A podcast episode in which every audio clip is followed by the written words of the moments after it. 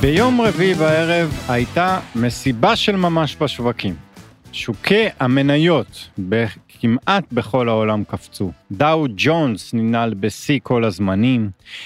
איגרות החוב הממשלתיות רשמו את היום המוצלח ביותר שלהם מאז מרץ. גם המטבעות קפצו מול הדולר, ואפילו איגרות החוב הקונצרניות עלו בשיעור חד.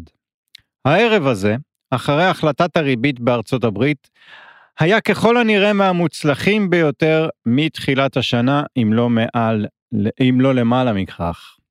אז שלום וברוכים הבאים לפרק נוסף של פודקאסט מנועי הכסף של כלכליסט עם הכלכלן והאסטרטג הראשי של פסגות אורי גרינפלד, אהלן אורי. אהלן שי. אז היום נדבר על החלטת הריבית בארצות הברית, על התגובה החיובית של השווקים, וגם אה, נדבר על אה, מה שקרה השבוע בארגנטינה. אתה יודע, אורי, אה, אה, אם היית שואל אותי אה, לפני החלטת הריבית בארצות הברית, על מה נדבר, אה, אני גם חושב שדיברנו על זה. אמרנו, מה ארגנטינה, מה כבר יהיה בארצות הברית, עוד החלטת ריבית, שב-99.99 אחוזים אה, היא, היא לא תשתנה. מה כבר יכול להיות? מה כבר אפשר להפתיע? מה כבר אפשר אפילו להשתיע? פרסמנו ב- בטלגרם אה, את הציפיות שהיו בשוק.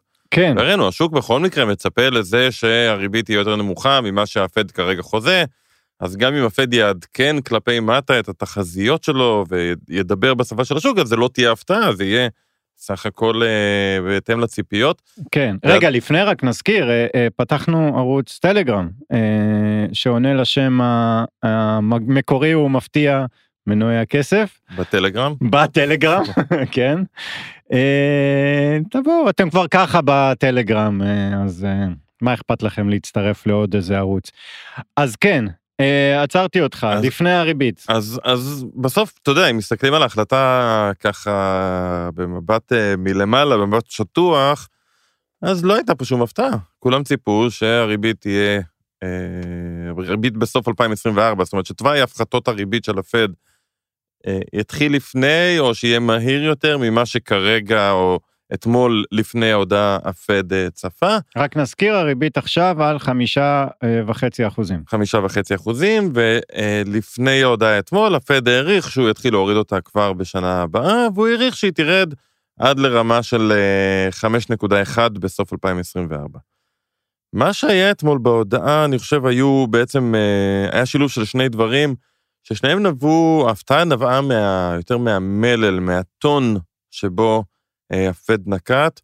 אה, רגע, אתה מדבר עכשיו על ההודעה עצמה, או, או אחרי זה על המסיבת אה, עיתונאים? אני מתחיל בהודעה עצמה. ההודעה עצמה, אתה יודע, מנתחים, כשיוצאת ההודעה לתקשורת, היא מיד עוברת לניתוח של אה, בוטים, שבוחנים כל משפט בהודעה, אה, מה השתנה בו, וזה עובר לאנליסטים, ואנליסטים רק לפי השינויים מנסים להחליט מה זה אומר. יש אפילו אה, גם, אה, אני מניח, בוטים שעושים את זה אוטומטית, של AI, כדי להבין מה המשמעות של השינויים הקטנים של כל מילה או פסיק בהודעה, מבחינת התפיסה של הפד.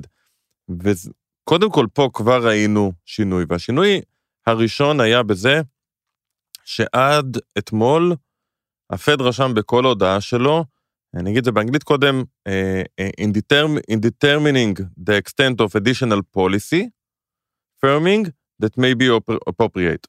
זאת אומרת, הפד בעצם אמר אה, עד היום, שהם ייקחו בחשבון את ההתפתחויות הכלכליות וכל מה שקורה, כל הנתונים שיוצאים, כדי להחליט אה, עד, עד כמה הם ימשיכו אה, לצמצם את המדיניות, עד כמה הם ימשיכו להעלות ריבית בעצם. אוקיי. ואתמול הוא הכניס מילה אחת, מילה any, in determining the extent of any additional policy, firming that may be appropriate. זאת אומרת, אנחנו נבדוק את כל הנתונים שצריך, כדי להחליט לכל העלאה אולי שתהיה. זאת אומרת, בעצם זה שהוא, בכלל הוא לא מדבר על זה שצריך העלאות, אלא אפילו אחת לא בטוח שנעשה, אם הנתונים לא יהיו ממש כאלה שדורשים את זה, זה כשלעצמו, אה, אם היינו צריכים לנסח את זה מחדש, זה בעצם אומר, הפד אמר, טוב חבר'ה, הפסקנו לעלות ריבית. אנחנו יודעים שאתם יודעים את זה, זאת אומרת, צריך להגיד, השוק לא ציפה בכל מקרה שהריבית תמשיך לעלות. כן, ההסתברויות להעלאת ריבית קדימה אה, אה, הן אפסיות מלכתחילה. אבל עצם זה שהפד בא ואומר את זה ככה, זה כאילו שם את החותמת על הנושא, אין יותר העלאות ריבית. ואם הפד אומר משהו, אז כרגיל השוק הולך אה, אה, כמה צעדים אה, בדיוק, קדימה. ואז אם הפד כבר אומר את זה, אז תמיד השאלה היא, אוקיי, אז מה קדימה? אה, ועוד פעם, זה היה צפוי, אף אחד לא חשב שהריבית תעלה, אבל עצם זה שהוא בא ואומר, אה, אנחנו לא נעלה ריבית, אלא אם כן יקרה משהו קיצוני, זה בעצם מה שהוא אומר, זה מעביר את השוק לשאלה, אוקיי, עכשיו בוא נתעסק בהפחתות ריבית. ופה, עוד לפני שהייתה מסיבת העיתונאים, הפד גם פרסם את, תחזי, את התחזיות שלו ל... לריבית קדימה, ומה שהיה מעניין זה שהתחזית לריבית בסוף 2024 ירדה מ, אה, כמו שאמרנו, 5.1 אחוזים ל-4.6, ירידה של חצי אחוז בעצם, או אפשר להגיד עוד שתי הפחתות של רבע אחוז בתוך 2024. ואולי אני אגיד גם בסוגריים פה, מה שראינו, אנחנו רואים את הפד חוזר בעצם לתחזיות המקוריות שלו מיוני. כן, ביוני הוא דיבר על 4.6, בספטמבר העלה את זה ל-5.1 כי היו המון נתונים טובים בשוק העבודה, ועכשיו הוא בעצם החזיר את זה, אבל זה כשלעצמו אני חושב לא היה מספיק, אם הפד לא היה אומר גם בהודעה, תקשיבו, שוק העבודה עדיין חם, הכלכלה עדיין לא בהאטה משמעותית, כמו שהוא אומר, כן, רואים קצת סימנים ברבעון האחרון לאיזושהי האטה, אבל הוא גם אומר בהודעה, שוק העבודה עדיין חם, האבטלה עדיין נמוכה, רואים אולי שינוי כלשהו, אבל עדיין לא השתכנענו בוודאות שאנחנו הולכים לאיזושהי האטה. ולמרות זאת, אנחנו מעדכנים את התחזיות שלנו של הריבית כלפי מטה, וזה אני חושב מה שעשה את השינוי מבחינת התפיסה של השווקים, כי השווקים בעצם, כמו שאתה אומר, תמיד אומרים משהו, אז השאלה היא, אוקיי, אז מה הלאה? השוק בעצם מסתכל על מה שהפד עשה אתמול ואומר, אם הפד מדבר על ריבית של 4.6 בסוף 2024, כשהכלכלה עדיין חזקה, מה הוא יאותת, או מה יקרה לתחזיות שלו, אם נראה באמת את האינפלציה חוזרת לכיוון ה-2% ואת הכלכלה נכנסת להאטה, ואת האבטלה עולה קצת יותר, ואני מניח שרוב הכלכלנים מצפים שזה יקרה, ולכן סביר, הם בעצם אומרים, סביר להניח שגם 4.6 זה או תחזית גבוהה, והריבית בסוף 2024 יכולה להיות אפילו יותר נמוכה מזה, וזה מה שעשה את השינוי הגדול, וראינו את, אה, את אה, תשואות האג"ח יורדות בחדות, זאת אומרת עליית מחירים באג"ח וירידה בתשואות, וכתוצאה מזה גם אה, עליות בשוקי המניות. אז, אז זה, זה, אתה אומר התגובה, ב, אפשר לדעת, כן, אבל התגובה הראשונית הייתה בעצם בתשואות אג"ח, שזה המקור להכל, ואז אה, כל המטבעות והשוקי מניות הגיבו. כן, מצחיק להגיד, כאילו, לתת כן. לזה איזושהי כרונולוגיה, כי זה הכל קורה בו זמנית מן הסתם. כן. אה, יש פשוט גם מודלים אוטומטיים שעובדים על קורלציות, עם הצורות יורדות, קונים מניות, אה, זה הכל עובד בו זמנית. כן. אבל בסוף שוק האג"ח הוא הבבואה של עולם הריביות, ולכן התגובה לפד היא קודם כל מבחינה רעיונית בשוק האג"ח, וכששוק האג"ח מראה ירידת תשואות, זה בעצם הופך את המניות לאטרקטיביות יותר, זה מקל על החברות, זה מקל על הצרכנים כשהריביות יורדות, ולכן גם המניות נהנות אה, מעליות מחירים. כן, רגע, אני שאלתי אותך לפני השידור, וזה, אה, את, אה, אני מזכיר למאזינים, דיברנו לפני איזה מש- כמה חודשים על אה, היפוך עקום התשואה, והתרגשנו ואמרנו זה לפני מיתון והכל. רק אה, אה, אנחנו עדיין נמצאים באזור הזה, שהעקום התשואה הוא, הוא לא נורמלי נגיד, נגדיר את זה ככה? כן, עקום התשואות, אני לא יודע אם לא נורמלי, הוא ככה צריך להיות. אה, הוא עדיין הפוך, התשואה לעשר שנים ב-3.99, התשואה לשנתיים ב-4.37, זאת אומרת, יש לנו עדיין פער של כמעט אה, 40 נקודות בסיס אה, בין התשואה לשנתיים ותשואה לעשר שנים, אה, אבל זה הרבה, זאת אומרת, התלילות, הש... התלילות הולכת ועולה, או במילים אחרות היא פחות ופחות שלילית ככל שעובר הזמן, כי התשואות לשנתיים יורדות מהר יותר. כן, בעצם כשאתה מצפה להפחתות ריבית, אתה, זה בא לידי ביטוי קודם כל בתשואה לשנה, לשנתיים, שהן יורדות מאוד מאוד מהר, הם היו כבר מעל חמישה אחוזים, אה, וזה פחות משפיע על התשואה לעשר שנים, ואז העקום בעצם, אה, הוא יורד כולו, תוך כדי זה שהוא, השיפוע השלילי שלו נהיה פחות שלילי. אה, אבל שוב, נורמלי זה, העשר שנים, התשואה על עשר שנים אמורה להיות יותר גבוהה מהתשואה שאני מקבל על שנתיים. בתקופות של צמיחה, לא בתקופות של לפני מיתון. בתקופות של לפני מיתון, אתה מצפה לראות עקום עם שיפוע שלילי, כי מה שזה בעצם אומר, זה אומר שהריבית בשנה, שנתיים הקרובות, תהיה יותר גבוהה כנראה מהריבית בחמש שנים הקרובות או בעשר שנים הקרובות, או במילים אחרות, מה שזה בעצם אומר, אנחנו חושבים שהריבית צריכה לרדת. כן. ו... ולפני מיתון, זה מה שבעצם מצפים מהפד לעשות, ואנחנו באמת לקראת המקום הזה. מה שיקרה, זה שככל שהפד ימשיך ויפחית את הריבית, אתה תראה את התשואה, בוא נזכיר עוד פעם אולי, ריבית הפד, או ריבית של בנק מרכזי כלשהו, זה נכון בכל מקום בעולם, היא הריבית הקצרה ביותר, ריבית ליום. ולכן כשהפד יתחיל להוריד ריבית, אז אם נסתכל על העקום כאיזשהו קו על גרף, החלק הקצר שלו, זה שצמוד לזמן אפס, יורד ויורד ויורד ויורד ויורד, החלק הארוך יורד פחות, ואז בעצם ככל שהפד ילך ויפחית ריבית, העקום ימשיך לרדת בעיקר מהחלק הקצר, ולאט לאט הוא יחזור לתלילות חיובית, עד שנגיע לרגע שבו השוק יאמין שזהו, זו הריבית הכי נמוכה שהפד כנראה יגיע אליה במחזור הזה. Okay. ואז אוקיי. החלק הקצר מתקבע, ואתה חוזר להיות בעקום עם שיפוע חיובי, כי השוק אומר, מפה והלאה כנראה הריבית תהיה כבר יותר גבוהה בחמש שנים הקרובות, מאשר איפה שהיא היום. כן. אה, וזה ככה עקום עובד, אה, וזה, אני חושב בסוף, כשאתה מסתכל על הציפיות של הפד, הם אה, כנראה אפילו עוד, לא יודע לקרוא לזה אופטימיות, הם אה, עדיין נוטים לאיזשהו חשש שהם יצטרכו לעשות את זה מאוד מאוד לאט.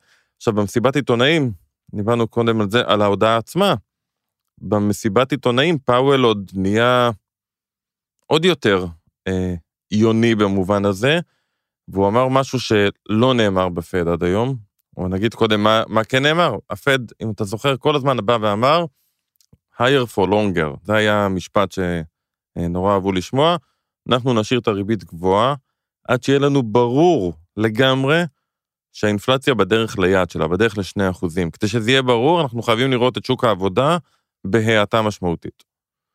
ופתאום פאוול אומר משהו אחר, הוא אומר, אנחנו רוצים להוריד את הריבית לפני שהאינפלציה תגיע לשני אחוזים, כי אם לא נעשה את זה, זה יכול להיות מאוחר מדי. לוקח זמן לריבית לפעול, הוא כאילו הסביר, עשה שיעור כלכלה לעיתונאים, גם אם אני מוריד מחר את הריבית, לוקח לזה כמה חודשים טובים עד שזה באמת בא לידי ביטוי בכלכלה, ולכן אנחנו נצטרך להוריד אותה לפני שזה יהיה מאוחר מדי, לפני שהאינפלציה תגיע לשני אחוזים, וזה גרם לזה שהציפיות להפחתת ריבית בארצות הברית כבר התקרבו למרץ. מרץ זה עוד שלושה חודשים.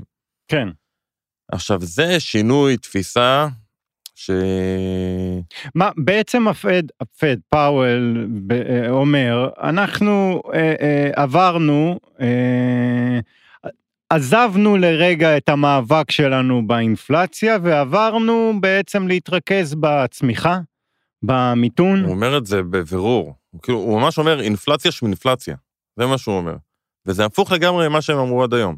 עד היום הם אמרו, נכון, אנחנו יודעים שאנחנו עלולים להכניס את המשק למיתון אם נשאיר את הריבית גבוהה מדי, אבל הסיכון שנוריד מוקדם והאינפלציה תחזור, הוא סיכון שאנחנו לא מוכנים לקחת. אז גם במחיר של לפגוע במשק, אנחנו נשאיר את הריבית גבוהה. זה מה שהם אמרו בצורה מאוד מאוד ברורה גם. פתאום הם הופכים את זה. הם אומרים, אנחנו מעדיפים את הסיכון שהאינפלציה עדיין קצת גבוהה, מאשר את הסיכון שנפגע יותר מדי בכלכלה. צריך לזכור, אולי אה, נשים את, ה, את הבסיס לזה, בסוף בנק מרכזי, אפשר לבוא אליהם בתלונות בדיעבד כמה שרוצים, אבל בסוף הם מקבלים החלטה על סמך מידע שאין לאף אחד.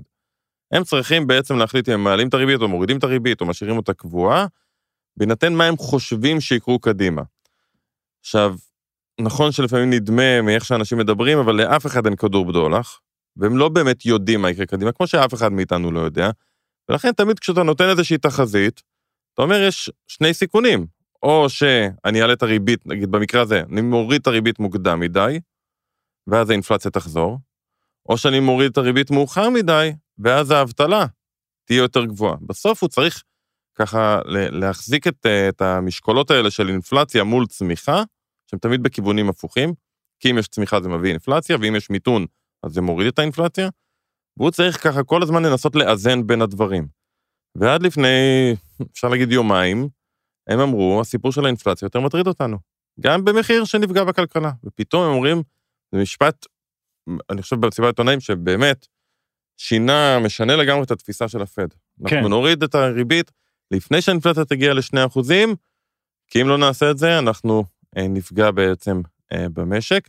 והסיבה שהוא אומר את זה, היא שדי ברור, אפשר להגיד בהסתברות מאוד מאוד מאוד גבוהה, שהאינפלציה בארצות הברית לפחות, תכף נדבר גם על אה, ישראל, על, אולי על אירופה, האינפלציה בארצות הברית כן. סיימה את הכיוון שלה, את התהליך שלה, של העלייה, והיא בדרך למטה. יצאו נתוני אינפלציה שדווקא היו סך הכל בהתאם לצפי אה, השבוע, אבל האינפלציה ללא דיור בארצות הברית, ודיברנו על זה גם, אני חושב, כן. לפני כמה תוכניות, האינפלציה ללא דיור היא ב-0.9. וזה נחמד שנכון, הדיור, אי אפשר סתם לנתק אותו, אבל הדיור שנמדד רק כדי חוזה שכירות, בבירור יתחיל להאט בחודשים הקרובים, רואים את זה במחירי השכירויות בארצות הברית. אז לוקח כמה חודשים עד שזה נכנס למדידה של הלמ"ס האמריקאית, אה, אבל זה יקרה. ולכן הפד מרגיש היום בנוח, הוא יודע שהאינפלציה בדרך לשתיים, הוא יודע גם שהיא תהיה יותר נמוכה כנראה. כן, רק, רק, אה, אה, ו, ועוד פעם, כל זה מתחבר לעליות בשווקים. דרך אגב, אה, אה, הסתכלתי על איזה גרף מעניין, כמה פעמים אה, אה, דאו ג'ונס בשנה מסוימת היה בשיא. אז ב-2020, 14 פעמים נרשם שיא, ששבר את השיא של עצמו. 2021, 45 פעמים. 2022, רק פעמיים, ו-2023, רק אתמול. זאת אומרת, אה, אה, אה, אני, אני מתחבר לתגובה החיובית כל כך שהייתה בשווקים. בעצם המשקיעים אומרים, אוקיי, סיימנו את השנתיים, כמעט שנתיים הקשות שהיו בשווקים, מעכשיו, 2024, כנראה שחגיגה. כן, זה בעצם מה שאומרים. הסיפור של האינפלציה מאחורינו, אז מריבית אנחנו לא צריכים כבר לדאוג. מצד שני, תמיד היו, יש עדיין את החששות שאולי יהיה מיתון חריף, אבל הנה, הפד בא ואומר לנו שהוא יהיה מוכן להוריד את הריבית אפילו מהר יותר כדי לנסות ככל שאפשר. לא בטוח שהוא יצליח, אבל הוא יעשה מה שהוא צריך כי מדאיג אותו המיתון. ויש משפט בשוק ההון בוול סטריט שאומר Don't fight the Fed. אז אם, אם מדאיג אותו המיתון... אם הפד מדאיג אותו המיתון, אז אותנו, אנחנו פחות דואגים מזה ממה שהיה קודם כן. לכן. ואז אם יש לך, יש לך שילוב של ריבית נמוכה יותר ממה שהערכת קודם לכן, או לפחות בהתאם להערכות, וסיכון נמוך יותר ממיתון, למיתון, כן. זה בסופו של דבר תומך ב- ב- בכלכלה, תומך בשווקים. אוקיי, אז אה, אה לפני שנדבר קצת על אה, דרום אמריקה, שוב, המגמה הזאת אה, קורית, אנחנו רק נציין, אנחנו מקליטים היום לפני החלטת הריבית אה, באירופה. של גוש האירו. של גוש האירו. ואחרי החלטת הריבית בבריטניה, ששם גם הריבית נותרה ללא שינוי. כן, ההבדל היחיד הוא שבבריטניה האינפלציה עדיין על 5.6. אינפלציה מאוד מאוד גבוהה. הבנק האנגלי לא יכול כמו הפד לבוא ולהגיד, אה, בבירור תוך חודשיים-שלושה האינפלציה חוזרת ל-2%. כן. אז הם אמנם לא העלו את הריבית, אבל הם גם לא היו אה, אופטימיים כמו שפאוול והחברים בפד היו אתמול, והם אמרו שהריבית תישאר גבוהה למשך עוד זמן, עד שהם ירגישו שהם משתלטים על האינפלציה. אה, אני חושב שבאירופה, בגוש האירו, אה, עוד פעם, ההחלטה הייתה, הייתה אחרי שאנחנו מקליטים, אני מניח שהטון יהיה די דומה, גם הוא, הוא פחות יהיה כמו של הפד, כי גם באירופה עדיין האינפלציה גבוהה.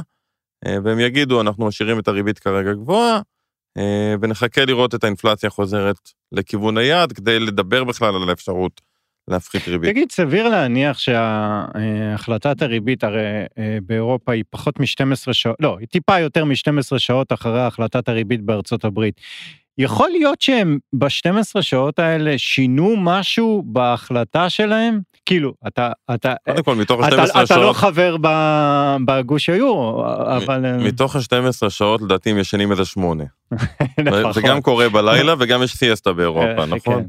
אז כנראה שלא, אבל לא, בסוף אתה יודע, גם הרבה פעמים מדברים, שואלים אותי על זה לגבי ישראל. אם בארצות הברית יורידו ריבית, אז גם בנק ישראל יוריד ריבית.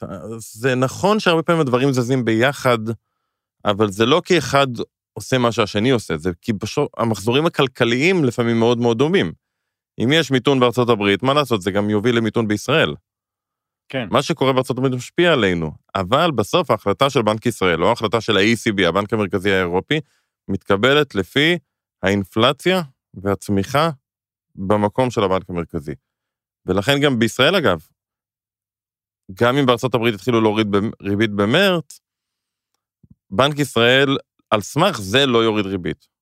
זה נכון שבדרך כלל יש קשרים, יש לנו המון, היום המון גורמים של אי-ודאות מעבר למה שקורה בארצות הברית. איפה, בישראל יש אי ודאות? כן, כן, אני יודע שזה לא, לא מרגיש את זה, אבל uh, תקופה לא פשוטה, ואפילו תסתכל על שוק המטח, שנכון, אנחנו רואים את הדולר נחלש אחרי ההודעה אתמול, כי זה, זה ההשפעה של הפחתת ריבית בארצות הברית. אבל בימים רגילים, לפער הריביות בין ישראל לארצות הברית, יש השפעה, נגיד, של X על השער חליפין.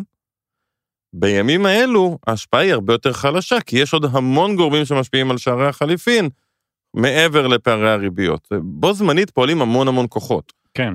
וכשאנחנו בכזאת תקופה של אי-ודאות, בנק ישראל מסתכל על הדברים ואומר, אוקיי, אני רואה מה ארצות הברית עושים, זה משפיע במידה מסוימת על ההחלטות שלי, אבל יש לי עוד מספיק גורמים בצד.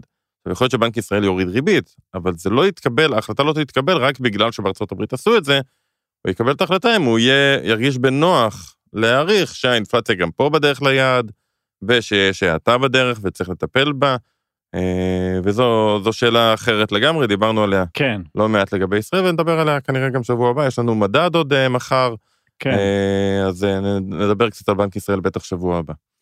אוקיי, אמ, ונדבר על מישהו שאפשר להגיד אה, בעל הבית אה, השתגע בארגנטינה? או שהוא הוא הגיע, הוא הגיע הוא קצת הגיע עם אה, מוכן- שיגעון. הוא הגיע מוכן. הוא הגיע מוכן, הוא נבחר בשביל להשתגע. האמת שכן, כן, זה בדיוק הגדרה מדויקת. הוא נבחר בשביל להשתגע, כי כבר אה, שום דבר אחר לא עובד. אוקיי, ו- ומה לא עובד? יש אינפלציה, אה, רק בנובמבר הייתה אינפלציה, המדד עלה בארגנטינה ב-12 אחוזים, שזה 160 אחוזים אה, שנתי, אינפלציה שנתית. עוד לפני מה שנדבר שעשו השבוע, אה, נרשם פיחות בפזו הארגנטיני מ- של 50 אחוז מתחילת השנה. זאת אומרת, הכלכלה במצב על הפנים. כן. הכי גרוע ש- שיכול להיות. שוקינג. כן, ארגנטינה במצב כלכלי על הפנים כבר בערך אה, 30 שנה. כן, כאילו הרבה יותר, אבל 30 שנה האחרונות זה משבר אחד ארוך שמתמשך, עם פשיטות רגל, ארגנטינה פשטה את הרגל תשע פעמים, אם אני לא טועה, במהלך, ה, אה, בתקופה המודרנית, אה, עם חובות לקרן המטבע הבינלאומי אחרי כל פשיטת רגל, הם לוקחים הלוואות מקרן המטבע, וגם את ההלוואות האלה הם כבר לא מצליחים להחזיר. פשוט משבר שמתמשך ומתמשך ומתמשך, אה, והביא את הבוחרים להגיד, אה, טוב, בוא ננסה את המוזר הזה עם המסורים החשמליים. כן, שהוא בא מהגישה של הליברטניזם, שצריך לבטל את הממשלה לגמרי. פשוט בוא נבטל את כל ההתערבות הממשלתית. אה, הוא דיבר על ביטול בכלל של הבנק המרכזי, אה, ו- וזה מה שיציל אותנו. תשמע, אה, צריך לתת לו, אה, אה, עוד פעם, הוא, הוא, הוא, מה שהוא עושה פה זה מהלך אמיץ. יכול להיות, אתה יודע, זה יכול להיות שאו צל"ש או טר"ש, כאילו, אה, כן, על זה אני לא מתווכח. אה, זה מהלך אמיץ ש... נתנו לו את, ה... את הקולות כדי ליישם אותו. לא בטוח שמי שנתן את הקולות ולא בטוח שהוא מוכן להשלכות של המהלך האמיץ הזה. ואנחנו נראה, אני גם לא יודע, אבל נראה עד כמה הארגנטינאים מוכנים לסבול את הסבל שהם צפויים לראות, וזה מה שמילי בעצם אומר, חבר מילי, בוא נגיד, קודם כל מה הוא בעצם בא מה הוא ועושה. עשה, כן. חלק מהדברים שהוא דיבר עליהם בקמפיין הוא לא עושה, למשל, את הבנק המרכזי הוא כבר לא מבטל, הוא משאיר אותו, אה, אבל הוא כן מתרכז בשני דברים. אחד, הפחתה משמעותית של ההוצאה הממשלתית. בארגנטינה חלק גדול מהאינפלציה שנוצרה אה, ומהחובות הגדולים ומהפיחות במטבע, זה פשוט תוצאה של עוד ועוד הדפסות כסף, גירעונות מאוד גדולים, שדרשו הדפסה של כסף, שדרשה בעצם, ככל שאתה מדפיס יותר מהמטבע שלך, אז הוא הולך ומפוחת, הפיחות מייצר גם אינפלציה, הדפסת הכסף שלעצמה, אם אתה מחלק כסף לאנשים, זה גם ייצר אינפלציה. אה, אז הוא אמר, אנחנו מצמצמים משמעותית את ההוצאות של הממשלה, ביטל, אה, לא, אני חושב חצי מהמשרדים, אם אני לא טועה במספרים, מתוך 16 משרדים ממשלתיים הוא ביטל שמונה. אה, שזה אומר הרבה הוצאות שלא יהיו, ביטל סובסידיות לתחבורה ציבורית ועוד כל מיני סובסידיות, שזה עוד פעם, משהו שזה אולי נכון, אבל זה הולך להיות לזה השלכות פוליטיות. נראה עד כמה העם שמשלם על תחבורה ציבורית מוכן עכשיו לשלם הרבה יותר על תחבורה ציבורית. כן. אה, אלה שתמיד השאלות הקשות. אה, ועוד דבר שהוא עשה, הוא שחרר את שוק המטח אה, במידה מסוימת והודיע על פיחות של 54 אחוזים במטבע מול, ה, מול הדולר. שזה עוד פעם, זה משהו שהוא מיידית מתורגם לאינפלציה עוד יותר גבוהה, כי אם המטבע שלך מפוחד, כל מוצר שמיובא ונקנה בדולרים, הולך ונהיה בעצם הרבה יותר יקר. אתה יודע, זה הדבר הראשוני ש, אה, ש, שלא הבנתי מה קורה שם. פתח, אה, התעוררתי בבוקר ואני אומר, וואי, אני יודע שהמטבע הפזו הארגנטיני הוא אחד החלשים בעולם, עם הביצועים הגרועים ביותר מתחילת השנה, ואתה יודע, ההיגיון אומר, טוב, אם אני כבר משנה את שער החליפין, אז בוא נחזק את המטבע. כן, רק זה לא עובד. אם זה, אם זה היה ככה, אז הכל, תמיד כולם היו רוצים לחזק את המטבע שלהם. כן. אה, זה לא עובד ככה, בסוף יש שוק, ובארגנטינה, כמו בלא מעט מדינות שהן בקשיים כמו שארגנטינה נמצאת, שוק המטח הוא לא שוק חופשי. אם הוא היה שוק חופשי, אז המסחר היה מביא את שער החליפין למצב של, שהוא צריך להיות, של איזשהו שיווי משקל. ובארגנטינה השוק הוא לא חופשי, יש מגבלות על תנועות הון, יש מגבלה כמה דולרים אתה יכול לקנות, אה, המגבלות האלה נשארות כמובן, וכשזה המצב בעצם יכול להיות שיש לחצים לפיחות, זאת אומרת, הרבה אנשים רוצים למכור את המטבע שלך ולקנות דולרים, בוא נגיד סתם, מתחילים לייבא יותר ויותר מוצרים מחו"ל כי התעשייה המקומית לא טובה. כן. אז כולם רוצים לקנות דולרים, כדי לייבא מוצרים מחו"ל, יש ביקוש לדולר, הדולר עולה מול המטבע שלך. עכשיו, אתה כמדינה מחליט שאתה לא רוצה לראות את הפיחות הזה, כי זה אומר שכל המוצרים אה, הולכים ומתייקרים בעצם במטבע המקומי. אז אתה לא רוצה לראות את זה קורה. מה שאתה עושה זה בעצם מוכר למי שרוצה דולרים, אתה מוכר להם את הדולרים מהרזרבות מטח שיש לך. אגב, בישראל ראינו את זה קורה באוקטובר. בנק ישראל לא רצה לראות את השקל בעקבות המלחמה עובר לפיחות של משמעותית מעל 4 שקלים לדולר, אז הוא התחיל למכור מהרזרבות מטח.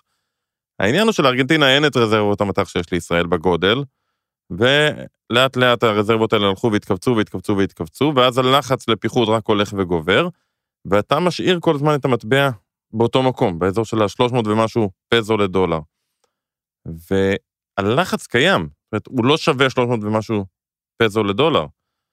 ולכן מה שמילי עשה הוא בעצם שחרר קצת את הלחץ. הוא נתן למטבע להתקרב יותר, להגיע למקום שבאמת, למשהו שווה.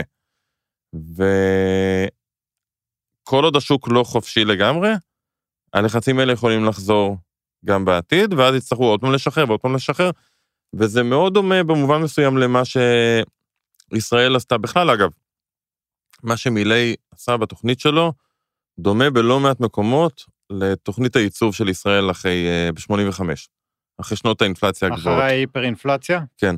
אגב, זה קצת הצחיק אותי בהודעה של אה, ארגנטינה, שהם אמרו, אנחנו עושים את זה כדי למנוע היפר-אינפלציה. כן. חוסר שם ב-140 אחוז. כן. אה, אז הם כבר בהיפר-אינפלציה, אבל הם לא רוצים להגיע ל-400 אחוז, אה, כמו של ישראל. אז התוכנית שלו מאוד, בהרבה דברים דומה לתוכנית של הייצוב של ישראל.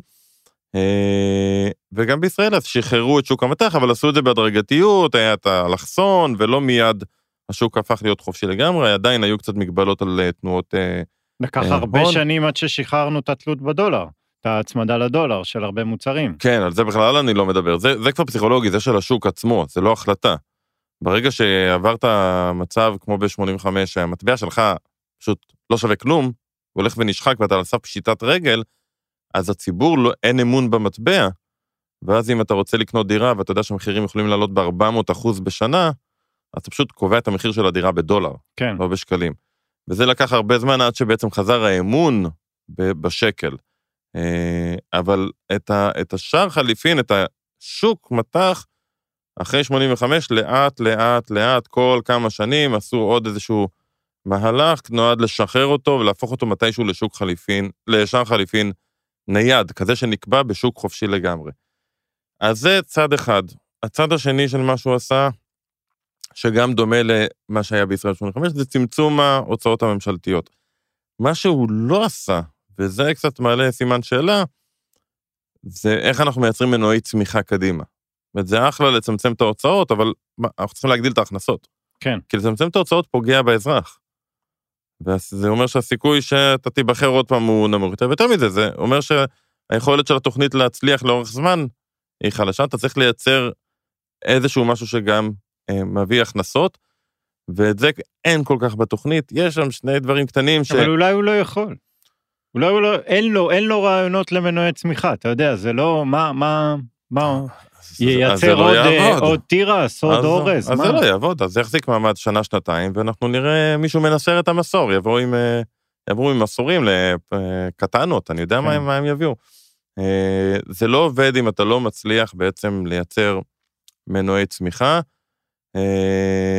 וזה קצת היה חסר. היה- היה שם משהו, כן, בקטנה, לא יודע, לא בקטנה, אבל אני לא יודע אם זה יעבוד כמו שהוא מצפה, וזה שמה שהוא לא קיצץ, זה את הקצבאות ילדים ו... אה, אוכל לעניים. כן, תלושי מזון, כי כן. הוא אומר שזה זה הכסף היחיד שהממשלה בעצם נותנת, שבאמת עובר לאנשים. אחת הבעיות בארגנטינה זה השחיתות כמובן, ובירוקרטיות.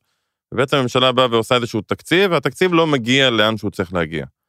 אומרת שבמקומות האלה זה כסף שכן מגיע לאנשים, זה, זה ממש העברות ישירות, ואז הכסף הזה כן יוצא ומייצר אולי פעילות כלכלית. אתה יודע שאת זה הוא לא רצה לקצץ, הוא- כדי שכן תהיה פעילות כלכלית, שאנשים יוכלו לקנות, להמשיך לקנות, אה, אבל זו שאלה, עד כמה זה יחזיק מעמד. בסוף, הדוגמה של ארגנטינה נותנת לנו, אני חושב, עוד, עוד אה, דוגמה טובה לכמה קשה לנהל אה, מדיניות, בטח, אה, קודם כל מוניטרית, ובטח מוניטרית כשהפיסקלית יוצאת משליטה. פיסקלית זה הממשלה ותקציבים שיוצאים משליטה וגירעונות מאוד מאוד גדולים. בסוף, ומוניטרית זה ריבית. מוניטרית זה ריבית, זה הבנק המרכזי. בסוף בנק מרכזי, יש לו כאילו שלושה כדורים. יש, יש לו כזה משולש, שבצד אחד יש את הריבית, בצד שני יש את האינפלציה, ובצד שלישי יש את שער החליפין. עכשיו, אתה יכול בעצם, אתה יכול לקבוע את מי, מה המטרה שלך. למשל, בישראל המטרה היא אינפלציה ב-2%, וכדי להגיע למטרה הזו, אתה יכול לקבוע או להזיז או את שער החליפין או את הריבית. אבל ברגע שהחלטת את מי אתה מזיז, השלישי הופך להיות בעצם אה, חופשי, הוא נקבע בשוק. אם אתה רוצה לקבוע את שער החליפין, נגיד בנק ישראל יבוא ויגיד, אני רוצה שהשקל דולר יהיה ב-3.5. הוא יכול לעשות את זה. מחר השער החליפין ב-3.5.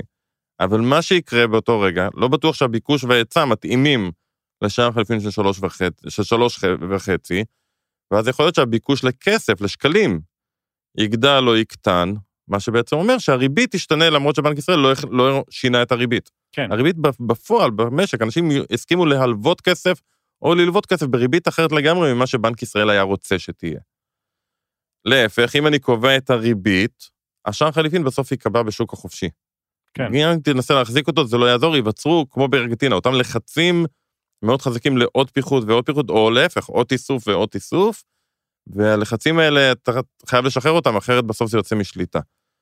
וכשגם ככה היכולת שלך כבנק מרכזי מוגבלת, אה, ואתה עוד מתעסק עם ממשלה שהיא עם שחיתות גבוהה, מוציאה יותר מדי כסף, מוכנים להדפיס כסף כדי לעזור לממשלה, זה מגיע לכאלה מצבים כמו של ארגנטינה של איבוד שליטה. אה, בואו נחכה, אני חושב שזה יהיה, כן. יהיה מעניין להסתכל מה קורה בארגנטינה בשנה הקרובה. כן, וגם אני מוצא איזשהו מכנה משותף בין, בין מדינות שמדי פעם, אתה יודע, אנחנו מדברים גם על יוון ועל מדינות שנמצאות ב, במשברים עמוקים, המגזר הציבורי מגזר ציבורי שמן ו, ומושחת זה מקור כל הבעיות. זה בדרך כלל השיווי משקל במדיניות הפיסקלית. איך אתה בעצם מצד אחד מייצר מגזר ציבורי שהוא יעיל, קטן ויעיל, מצד שני, אתה עדיין דואג לאזרחים. זו, זו שאלה שהיא לא פשוטה. כן. אתה יודע, הרבה פעמים אני שומע, בטח בשוק ההון, יש את התפיסה הקפיטליסטית מאוד, הממשלה עושה הכל יותר גרוע. עכשיו, זה נכון שבסוף השוק הפרטי הוא הרבה יותר יעיל מהממשלה, אבל השוק הפרטי לא ידאג לזכויות של אזרחים עם יכולות, אה, מעוטי יכולת. בוודאי. ו- וצריך לדאוג, והאיזון הזה בין הדברים הוא איזון מאוד מאוד מאוד רגיש. אז אני תמיד, אני בא מגישה שחשוב מאוד שהממשלה תתעסק במה שהיא תתעסק, אבל רוב ההתעסקות צריכה להיות לאו דווקא בכסף, אלא ברגולציות. ורגולציות, אם הרגולציה על השוק החופשי היא טובה ויעילה, בשיתוף פעולה עם השוק החופשי, הרבה פעמים התוצאות הן הרבה יותר טובות מאשר או שהממשלה תנהל את זה, או שיהיו אה, רגולציות כאלה מאוד מכבידות כדי שלא, השוק החופשי יעשה אה, שכונה. אה, וזה לא פשוט, אתה יודע, בטח במדינה שכל שלוש שנים יש בחירות, כן. או, או, או חמש או פעמים בשלוש שנים. אה, זה מאוד לא פשוט לא, לא לייצר לא רגולציה שעובדת עם השוק, לא נגד השוק, אבל שומרת עליו, ומספיק חזקה, עם מספיק סמכויות כדי לנהל. בסוף הממשלה צריכה לנהל, אה, ולא, ולא להחליט כל הזמן מה, על מה היא מוציאה כסף. בהחלט. אוקיי, אה, פינת האסקפיזם. אני אתחיל השבוע. תשמע, אם לא היינו במבול של חדשות אה, מתחום אחר לגמרי, אני מנחש שהיו מדברים לא מעט על אה, מה שאני הולך להגיד עכשיו.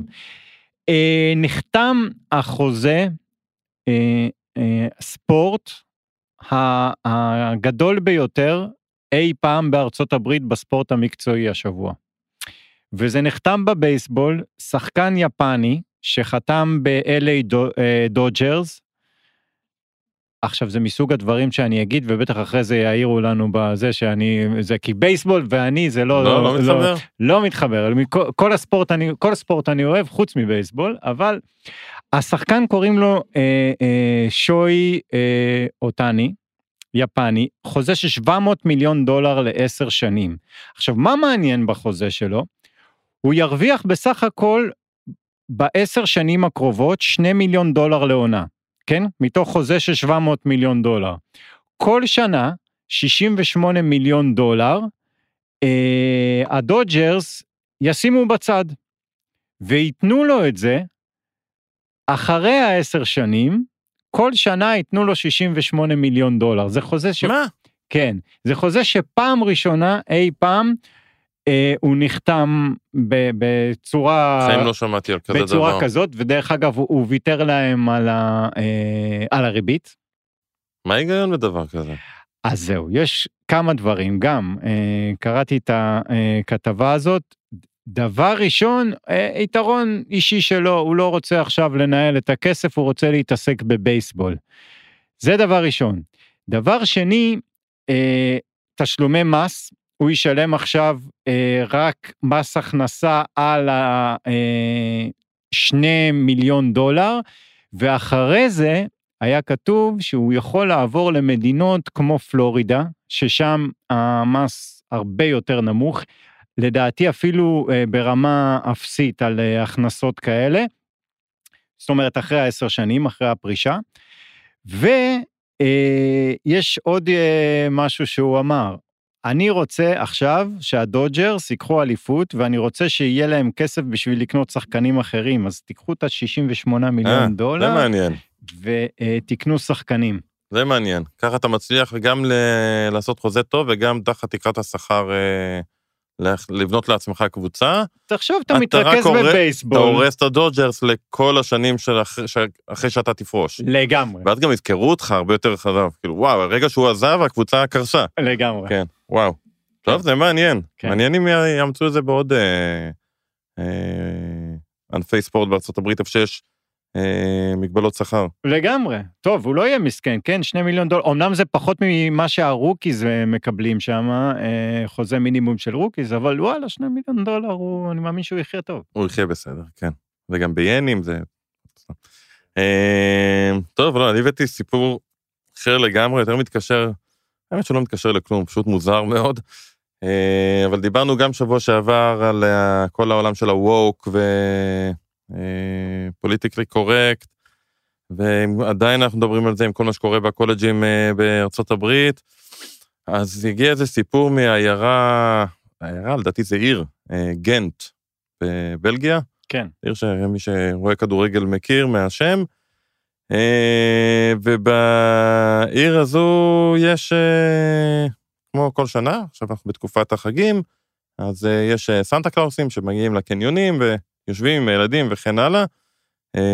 אז הגיע איזושהי, איזושהי סנטה קלאוסית שלקחה את העולם של ה woke, כנראה צעד אחד יותר מדי קדימה, והיא באה עם בגדים של מצד אחד סנטה קלאוס, מצד שני עם בגדים, עם דגלים, עם צבעים של דגלי פלסטין אה, ושרשראות אה, אפריקאיות, אה, והיא בכלל אישה, מה שקצת מתנגש לחלק מהאנשים כנראה עם סנטה קלאוס, ופשוט היה על זה בלאגן גדול בבלגיה, אם זה בסדר או לא בסדר, וגירשו אותה כמובן מהקניון, ואז עשו על זה בלאגן גדול, שאיך אתם לא מקבלים.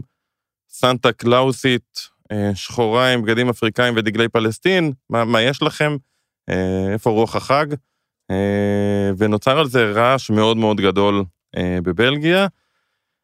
ואתה יודע, אנחנו תמיד שואלים, עד כמה ווק יכול להיות ווק? כן. זו שאלה מעניינת. אני, כן. אני חייב לציין, זו, זו באמת שאלה מעניינת, כי בסך מה אכפת לכם? ילדים מקבלים מתנות, מה זה משנה? כן. וזה גם מעניין לילד לראות עוד דברים אחרים. מצד שני, איפה, איפה עובר הגבול של... אה, אבל זה לא סנטה קלאוס. אה, אז אה, נראה לאן זה הולך, ובינתיים יוצא סטנדאפ חדש של ריקי ג'רווייס עוד מעט, ובטח יטפל בדיוק בנושא הזה, אז נהנה ממנו. אוקיי, תודה רבה שהאזנתם לנו, ונשתמע בשבוע הבא.